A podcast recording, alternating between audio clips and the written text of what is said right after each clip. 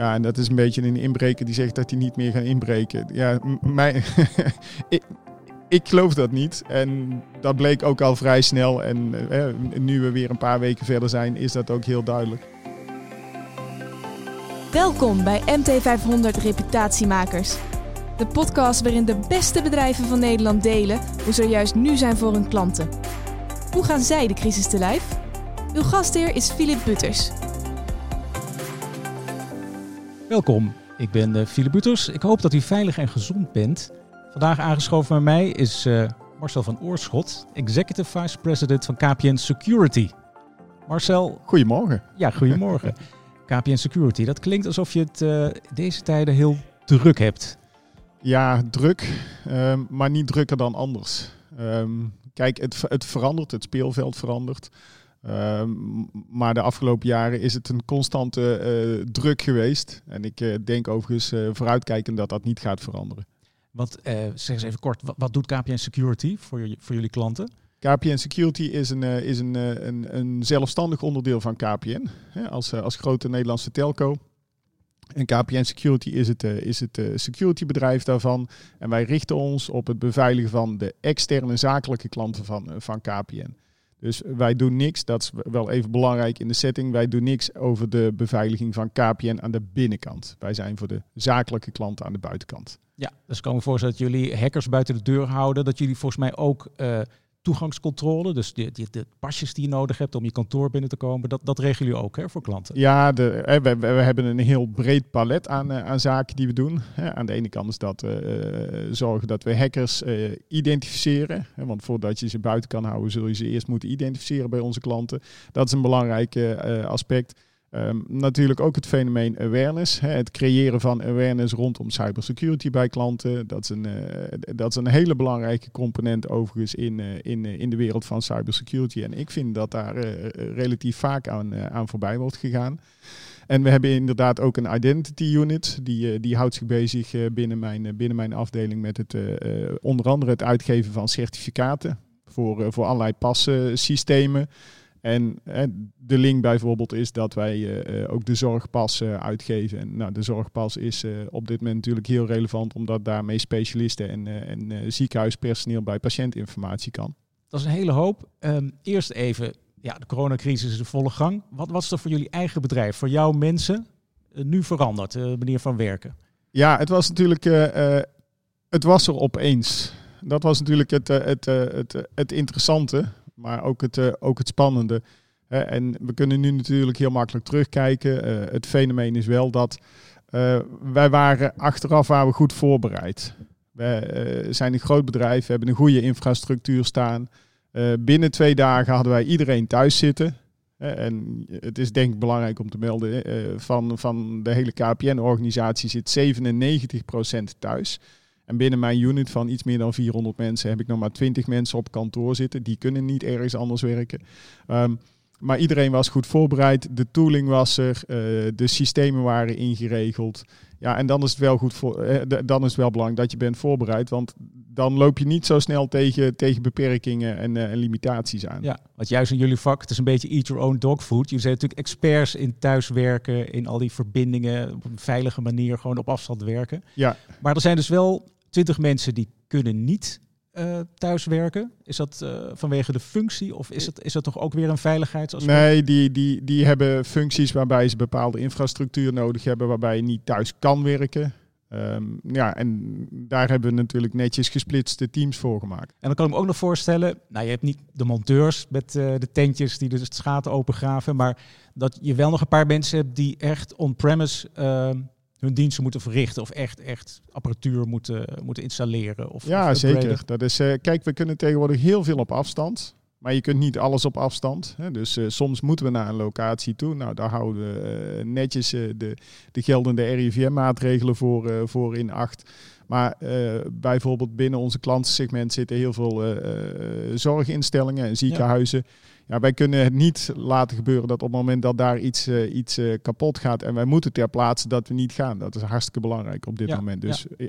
wij hebben nog steeds mensen die bij klant op locatie komen. Ja, zoals echt een ziekenhuis, een, een firewall. Ik weet niet eens of dat een fysiek iets is, maar... Ja, die, die, die kan soms fysiek zijn, maar die kan ook virtueel zijn. Maar als hij, als hij, als hij echt fysiek is en hij is kapot, dan, eh, dan gaan we gewoon ter plaatse. Eh, maar het, het gros van het werk doen wij, eh, zeker binnen mijn unit, doen wij nu gewoon allemaal vanuit thuis. En zo komen we eigenlijk vanzelf op de klanten. Want dat is eigenlijk waar alles op draait. Dus cliché, maar ook zeker in deze podcast. Het gaat erom hoe zorg je dat je inspringt op de behoeften van de klanten.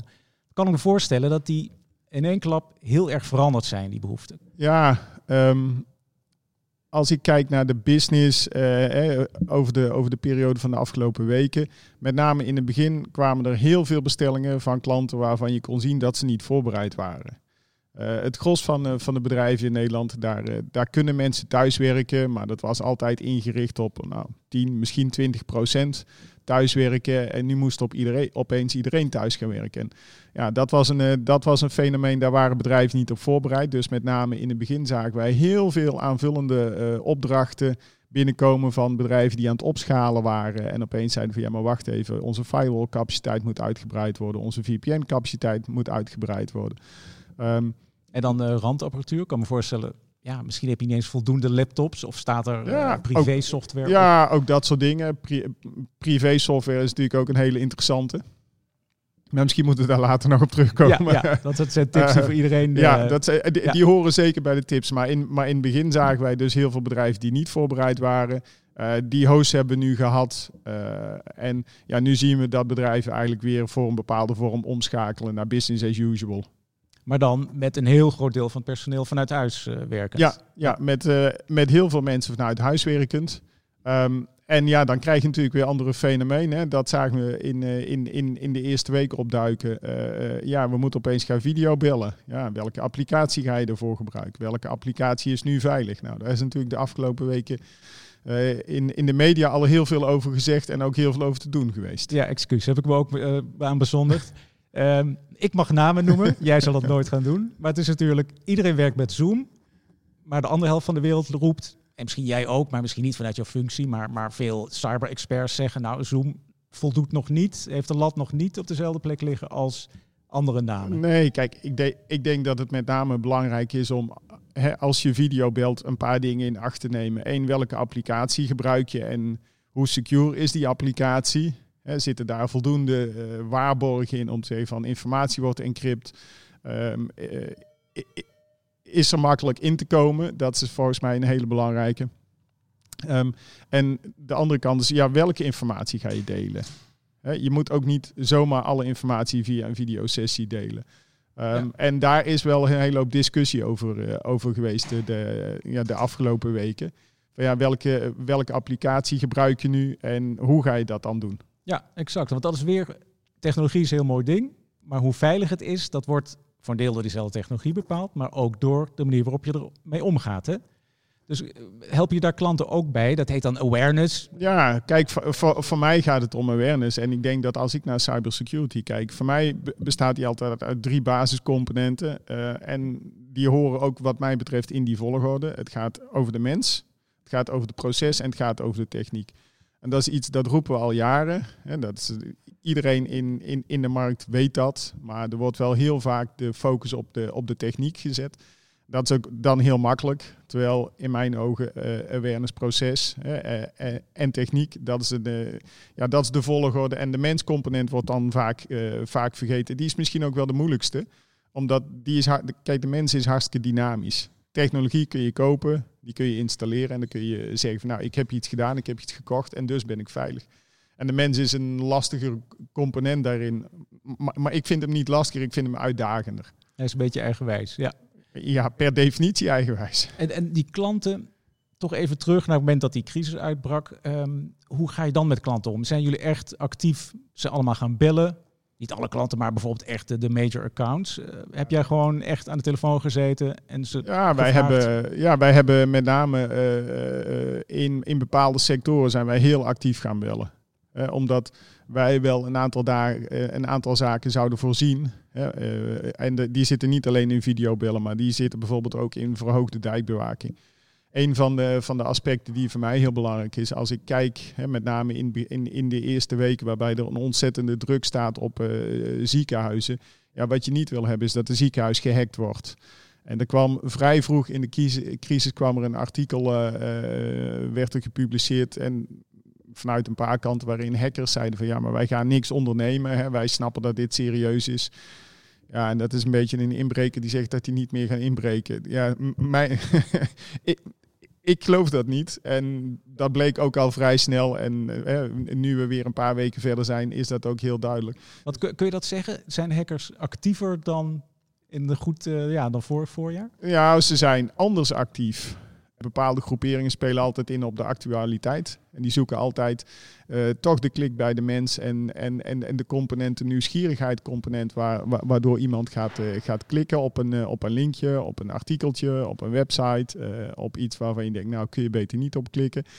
Dus in het begin was het vrij neutraal, maar binnen één, anderhalve week zagen we al heel veel uh, corona- en covid-achtige artikelen verschijnen, waar, waaruit achteraf bleek van ja goed, daar moet je niet op klikken. Dat is gewoon ingezet uh, door, uh, door hackers om mensen uit hun tent te lokken. Ja, dat is phishing. Ja, dat is phishing en mensen zijn nieuwsgierig, mensen zijn allemaal op zoek naar nieuws en dus klikken ze op dat soort dingen. Dus die waren er razendsnel. En daar hebben jullie ook klanten bij moeten helpen. Dat... Daar hebben we ook klanten bij moeten helpen, zeker. Ja. Het is er dan ook ransomware bijvoorbeeld uitgerold bij bepaalde partijen? Ja, hè, de, de, uiteindelijk hè, het statement van de hackers van ja, we doen even niks. Hè, we ne wij nemen ook pauze en vakantie. Dat hield niet langer, denk ik, dan een week vol. En, uh, en, en daarna werd er gewoon weer net als, uh, uh, als voorheen geransomwerd. Hè, met dezelfde type families die we daarvoor zagen.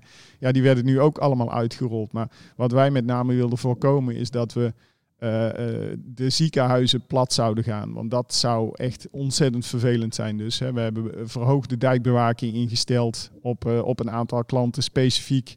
Waarbij we zeiden van nou, die moeten vooral nu niet getroffen worden. Ja, dat ze zorgen. Misschien de logistieke sector ook, of ja. de supermarkten. Ja, maar het, het terecht, dat zijn, uh, dat zijn twee hele belangrijke sectoren in het begin geweest. De zorgsector en de logistieke sector. Um, want ja, uh, ook een logistiek centrum plat is niet, uh, niet fijn in deze tijd. En hoe reageren klanten dan? Is het wel eens zo dat je dan klanten gebeld hebt die zich dit niet eens realiseerden. Die iedereen naar huis hadden gestuurd met een laptop. En toen jij belde pas dachten van, oh verdorie, we moeten die awareness, we moeten die protocollen aanscherpen of beter communiceren. Nou, ik denk dat wat er in het begin speelde, was dat mensen waren hier niet op gefocust. Hè, klanten hadden een andere aandachtsgebied en uh, na een week, één, één, twee weken coronacrisis hadden ze zoiets van, oh ja, nu moeten we weer een beetje terug naar business as usual. En, daar, en, en toen ging daar wel weer de focus terug van, oké, maar werkt iedereen veilig thuis? En hoe moet dat dan? En ja, uiteindelijk zie je dus ook dat mensen vrij snel naar huis zijn gegaan, laptops misschien op kantoor hebben laten staan. Dus ook daar zijn dingen voor ingeregeld om te zorgen dat dat weer normaal werd. En Jullie hebben niet per se veel extra werk. De manier van werken is veranderd, want er zitten veel mensen voor jou thuis, bijna alle mensen. Uh, zit er ook nog kansen in? Dus in de zin, heb jij meer werk of zie jij kansen in deze crisis? Ook misschien op de manier waarop we met veiligheid uh, omgaan? Nou ja, ik zie zeker kansen. Uh, er zijn, hij splitst zich voor mij in twee dingen. In, met name de afgelopen week hebben we vanuit KPN en vanuit KPN Security ook een aantal initiatieven de markt uitgerold. Eén, uh, uh, een initiatief om, um, om niet ziekenhuizen te helpen op het moment dat ze gehackt zouden worden. dat, is een, dat is niet een kans die je kan verzilveren in euro's, maar dat vind ik wel een heel belangrijk initiatief. En daarmee bedoel je dat je ze dus al hulp biedt voordat ze die nodig hebben? Ja, ja, ja er zijn verhoogde dijkbewaking. Ja, ja verhoogde dijkbewaking. Uh, hè, maar de verhoogde dijkbewaking is meer. We kijken in de, in de netwerken van de ziekenhuizen en we kijken nog beter en, en, en nog alerter op een, op een aantal manieren uh, wat, er, wat er gaande is. Maar het initiatief met name om ziekenhuizen te helpen is van oké, okay, we hebben, we hebben met een aantal cybersecurity bedrijven in Nederland een, uh, ieder een strippenkaart van 100 uur ingelegd. Waarbij als het ziekenhuis gehackt zou worden, we die 100 uur om niet inzetten. Ah, nou, dat is een soort collectief uh, initiatief geweest vanuit cybersecurity bedrijven in Nederland. En dat is wat mij betreft heel belangrijk. Mm -hmm. Wat we specifiek voor de thuiswerkers hebben gedaan, is uh, met een van onze partners, Trend Micro, een, een fenomeen uitgerold waarbij we zegt iedereen die nu zit thuis te werken, kan voor zes maanden lang uh, gratis een, een antivirus licentie voor zijn laptop downloaden. Want daar is het niet best mee gesteld, denk ik. Hè? Ja. Het aantal laptops dat voorzien is van, ja, ik ben ook guilty as charged, maar van een virusscanner. Nee, er zijn natuurlijk twee werkplekken. En, en, wat het risico is, is dat uh, mensen die, die een werkplek hebben van kantoor, die is over het algemeen wel goed ingeregeld. Maar je hebt ook je thuiswerkplek. En uh, je hebt kinderen, uh, je hebt een tekort aan laptops. Pak maar even papa's of mama's laptop. Um, en dan ga ik zelf wel even op de thuiscomputer werken. Ja, dat is natuurlijk.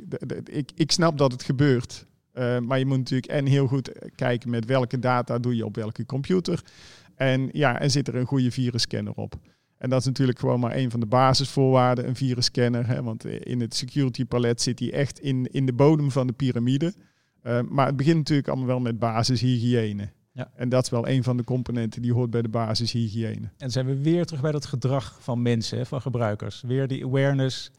Welke laptop klap ik open? Wat voor software staat erop? Uh, maar ik had gehoord, jullie um, gaan er ook nog meer aandacht aan besteden. Want we hebben het nu gehad over hoe je klanten informeert en helpt hun, hun gebruikers te informeren over hoe je veilig omgaat met al die technologie.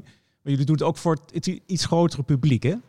En dat is dit volgens mij ook een, een gelegenheid voor. Um, wat zijn nou echt de, de, de takeaways? Dus als ik een willekeurige gebruiker ben van technologie, een werknemer, uh, wat moet ik dan inderdaad op mijn laptop hebben staan? Heb je misschien nog tips voor hoe je veilig video vergadert met, met je collega's? Ja, nou zeker. Dat is, uh, kijk, als je gewoon als, als, als, als, als, als end-user uh, zijn er wel gewoon een paar dingen belangrijk. Hè. Het gaat uh, voor end-users, maar ook voor bedrijven. Het gaat over basishygiëne. Als end-user is van ja, wat voor applicatie voor, voor videobellen gebruik je de, en, en is die afgestemd met, uh, met, je, met je corporate policy, om het dan zo even te noemen. Ja. En welke informatie deel je daar?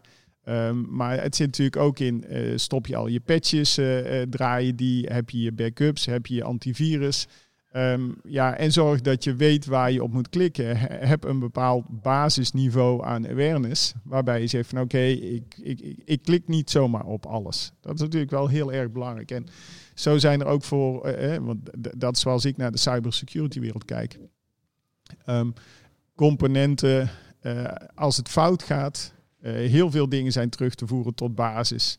En de basis moet op orde zijn. En in de basis zit ook, uh, we hebben natuurlijk begin dit jaar een, een, groot incident ergens in het land gehad. Ja, daar zat toch wel een fenomeen wat, wat heette iets heel simpels als backups. Ja, heb je je backup geregeld? En het is nog steeds zo dat als wij aan klanten vragen, heb je je backup geregeld? Dat ze zeggen, ja, dat hebben we geregeld. En als we dan vragen, ja, hoe dan? Nou, dan komt er een verhaal. En als we dan vragen van ja, maar kunnen we het zien of ja, mogen we het zien of ja. ja. show het, ja, dan, dan krijg je uh, uh, vaak een hoop gestotter. Ja. En dan blijkt het niet zo goed geregeld te zijn. En, dat is die zoek, ja. Ja, en de backup is wel heel belangrijk uiteindelijk als het misgaat en je moet ervan uitgaan dat het een keer misgaat, dat je, uh, dat je een backup kan, kan terugspoelen. Zeker ook omdat hackers heel vaak tegenwoordig actief op zoek gaan naar je backups om te kijken of ze ze kunnen vinden. En dus is het ook heel belangrijk dat je een backup offline bewaart. Ja. En niet alles op dezelfde server hebt staan. En dat klinkt nou ook inderdaad alsof de crisis nu en, en die andere manier van werken van je klanten uh, voor jullie ook die opportunity oplevert. Dat jullie nog eens een keer extra met klanten hierover in gesprek zijn. En ze nog eens extra kunnen helpen met, uh, met dit vraagstuk. Ja, ja, dat klopt. En, en merk je dat um, ja, die actieve benadering van klanten, dat, dat dat de relatie verbetert? Dat je daar uh, ja. ja. we krijgen er een hechtere relatie mee door klant, met klanten over, over dit soort fenomenen. En, ja. Ja, en die, is heel denk ik belangrijk. Kijk, uiteindelijk security draait toch voor een heel groot deel om vertrouwen. Um, en wij merken als KPN Security, ja natuurlijk, we hebben een 100% Nederlandse achtergrond. En uh, in tegenstelling tot een aantal jaren geleden komen wij er meer achter dat het Nederlands zijn van een cybersecurity bedrijf eigenlijk wel heel relevant is. Uiteindelijk gaat het om data. Ja, waar gaat je data naartoe? Nou ja, in ons geval blijft die data in Nederland. En dat geeft toch mensen wel extra vertrouwen. En dat vertrouwen is natuurlijk belangrijk, omdat ja, je security partner kan in feite bij al jouw informatie. En die weet ook waar je de gaten hebt zitten. Dus als je het niet goed geregeld hebt en als daar geen basis van vertrouwen is, dan, uh, ja, dan heb je daar toch een serieus probleem. En dan, het gaat toch een thema, dus ook een beetje reputatie van de MT500 met name. Merk je nu al dat, dat je je reputatie kunt waarmaken inderdaad als die vertrouwde lokale Nederlandse uh, security partner? Ja, we hebben daar, we hebben daar heel, veel, heel veel positieve feedback op gekregen. We hebben begin dit jaar een heel groot event gedraaid. dat was eigenlijk voor het, e-, voor het eerst onder het KPN Security logo. Ja. en daar, daar heb ik ook heel erg gepredikt. Het gaat over vertrouwen, maar het gaat ook over transparantie en het gaat ook over samenwerken. En dat zijn voor mij in het, in het kader van cybersecurity, maar in het kader van zaken doen in, in zijn algemeenheid wel hele cruciale dingen. Ja. als ik kijk naar de, de cybermarkt, die, ja, die kunnen wij niet alleen oplossen. Daar heb je heel veel partijen voor nodig. Daar moet je samenwerken. En voor mij gaat dat ook over de as van uh, overheid, uh, bedrijfsleven en cybersecurity bedrijven. Je moet samenwerken, je moet transparant zijn naar elkaar. En er is veel meer aan de hand in dit land op, op cybervlak dan, dan de voorpagina van de krant haalt. Het is leuk dat, dat je dat event noemt. Dat, dat was natuurlijk misschien voor lange tijd een van de laatste fysieke events, zou ik maar zeggen. Waar mensen gewoon lekker naar een mooie venue kwamen. Uh, een broodje erbij, een borreltje ter afsluiting. Daar konden wij nog duizend mensen in een, eh, in, een, eh, in een grote ruimte zetten. En nu, hoe ga je dat de komende tijd aanpakken? Nou ja, KPN heeft in, in 2019 de Digital Dutch gedaan. Ja. dit jaar dus digitaal. Echt helemaal digitaal geweest. Ja, ja de Digital Dutch uh, ging, eh, ging helemaal digitaal. En dat is natuurlijk wel een heel apart nieuw fenomeen.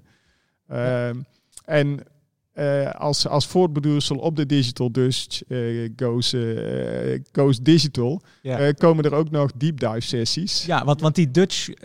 die Digital Dutch Goes Digital, dat was echt een, zeg maar een forum met keynotes. Geen breakout sessies, geen één op eens, niet netwerken. Maar jullie geven dat een vervolg? Ja, we geven dat vervolg. Kijk, we konden natuurlijk niet meer dan ongeveer een uur uh, een, uh, een uitzending maken. Ja, dat was het in feite. Ja. En in, uh, in juni gaan we, gaan we vervolgen doen. En ja, voorlopig zijn die digitaal gepland. en en dat zijn dan wel breakout sessies. Dat ja, zijn panels misschien. Ja, breakout sessies, digitale breakout sessies met, uh, met specialisten erbij. Ook daar ben je beperkt in, uh, in, uh, in de tijd. Want je kunt ook niet daar heel veel langer dan 1 tot anderhalf uur neerzetten. En ik denk dat dat ook wel het fenomeen is wat we nu merken uit, uit digitale vergaderen. ja, wie wil er nog naar een vergadering van een uur? Of wie gaat er, of van een halve dag, wie gaat er nog naar een congres? Misschien uh, brengt, dat, brengt dat het ook wel mee. Ja, je bent uh, super gefocust dan. Dus dan is zo'n vergadering na een uur is ook wel alles gezegd. Waar, waar je normaal misschien twee uur voor nodig hebt. Ja, je krijgt niet de, de, de, interrupties. En uh, ja, wij vinden het nog wel spannend om te kijken of we zo'n deep dive sessie nou ook de waarde en, de, en mee kunnen geven die je nodig hebt om, om te zorgen dat het voor de deelnemers echt een waarde heeft. Ja. Dus, het laatste wat ik me afvroeg, uh, netwerken. Dus één op één netwerken, dat doe je natuurlijk ook tijdens congressen, ook tijdens jullie uh, congres. Hoe, hoe gaan jullie dat faciliteren? Ben ik gewoon benieuwd naar. Nou, als je daar nog een goed idee over hebt, dan, uh, dan hoor ik het graag. Want daar zijn we nog wel heel hard over aan het nadenken. Hoe, hoe kun je nou het netwerkfenomeen toch opvangen? Ja. En ik merk wel vanuit mijn organisatie dat uh, het contact zoeken en hebben met klanten is, uh, is heel belangrijk. Um, en dat gebeurt nu ook heel veel in één op één situaties. En daarmee is het contact is hechter, maar het is wel uh, ja, arbeidsintensiever. En hechter, ik kan me ook voorstellen dat je nu meer video belt met mensen. Dat is volgens mij ook die kans van de coronacrisis, dat die innovatie ineens heel snel gaat. Ja. Dat mensen nu gewend zijn om te, nou ja, welke technologie, maar ook uh, Skype, Zoom, Teams, natuurlijk heel belangrijk. Ja, ik denk dat dat, uh, dat, dat levert wat additionele voor, uh, ja, ideeën op. Um, daarbij komt volgens mij ook dat als je nu met een klant in een videocall gaat, ja, zie je ook waar die zit. Dus ik denk dat het ook een, een hechtere relatie met je klant geeft. Want je ziet hem opeens in zijn privé situatie zitten. Ja in zijn kantoor of in zijn woonkamer of zijn keuken. Ja, dat zag je op, uh, op, op, op netwerkevent zag je dat niet. Je sprak iemand en je had verder geen idee van wie er, uh, wie er achter zat. Ja, wie er achter het pakken ja, Dus, het, ge dus het geeft ook wat, wat meer diepgang op dit moment. Durf jij vooruit te kijken? Dus over een jaar dan, ja, dan hoopt iedereen natuurlijk dat, dat echt de ergste coronamaatregelen voorbij zijn. Maar hoe ziet de wereld er over een jaar? Hoe ziet jouw factor over een jaar uit? Zijn er dan dingen echt veranderd? Structureel? Uh, uh, nee. Ik denk niet dat er over een jaar echt iets is veranderd. Uh, kijk, vooruitkijken is heel lastig. Ik kan wel vijf jaar terugkijken. Um, en het wordt alleen maar heftiger. Um, en dat heeft te maken met het feit dat we meer en meer digitaal doen en gaan doen.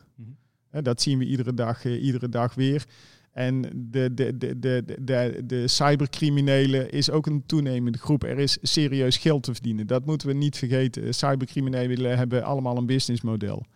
En uh, omdat we aan de ene kant digitaler worden en veel meer gaan samenwerken en ook informatie veel makkelijker via het internet toegankelijker maken, um, is het voor cybercriminelen ook veel makkelijker om bij dat soort informatie te komen. En ja, uh, blijft dat een soort kat-en-muisspel. Ja. Um, Want jij, ik, jij hebt die getallen misschien meer, meer bij de hand dan ik, maar ik heb wel eens ergens gelezen, geloof ik, dat de, de omzet van die industrie, van de cybercriminaliteit, dat die eigenlijk vele malen groter is dan de omzet van jouw industrie. Ja, dat is, ja, dat, dat is absoluut waar. Uh, je kunt er hele simpele, snelle rekensommen op maken. Maar ik heb in, uh, in een aantal uh, keynotes die ik, die ik regelmatig geef, laat ik zien hoe cybercriminelen in, in, in een weektijd 50.000 euro kunnen verdienen. En dan mijn weektijd is een, is een conservatieve calculatie. Dus, um, dat is meer dan wat jij verdient. nou, dat is heel veel meer dan wat ik verdien. Ja, ja.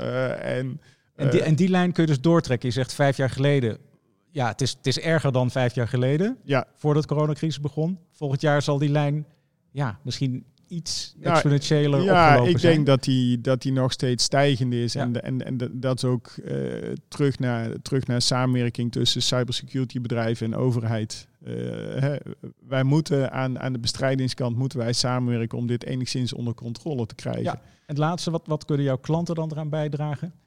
ja, uh, ook open zijn over wat er, wat er speelt. En dit ook hoog op de agenda houden. Dat is ook wel belangrijk. Dit is niet een fenomeen wat weg is.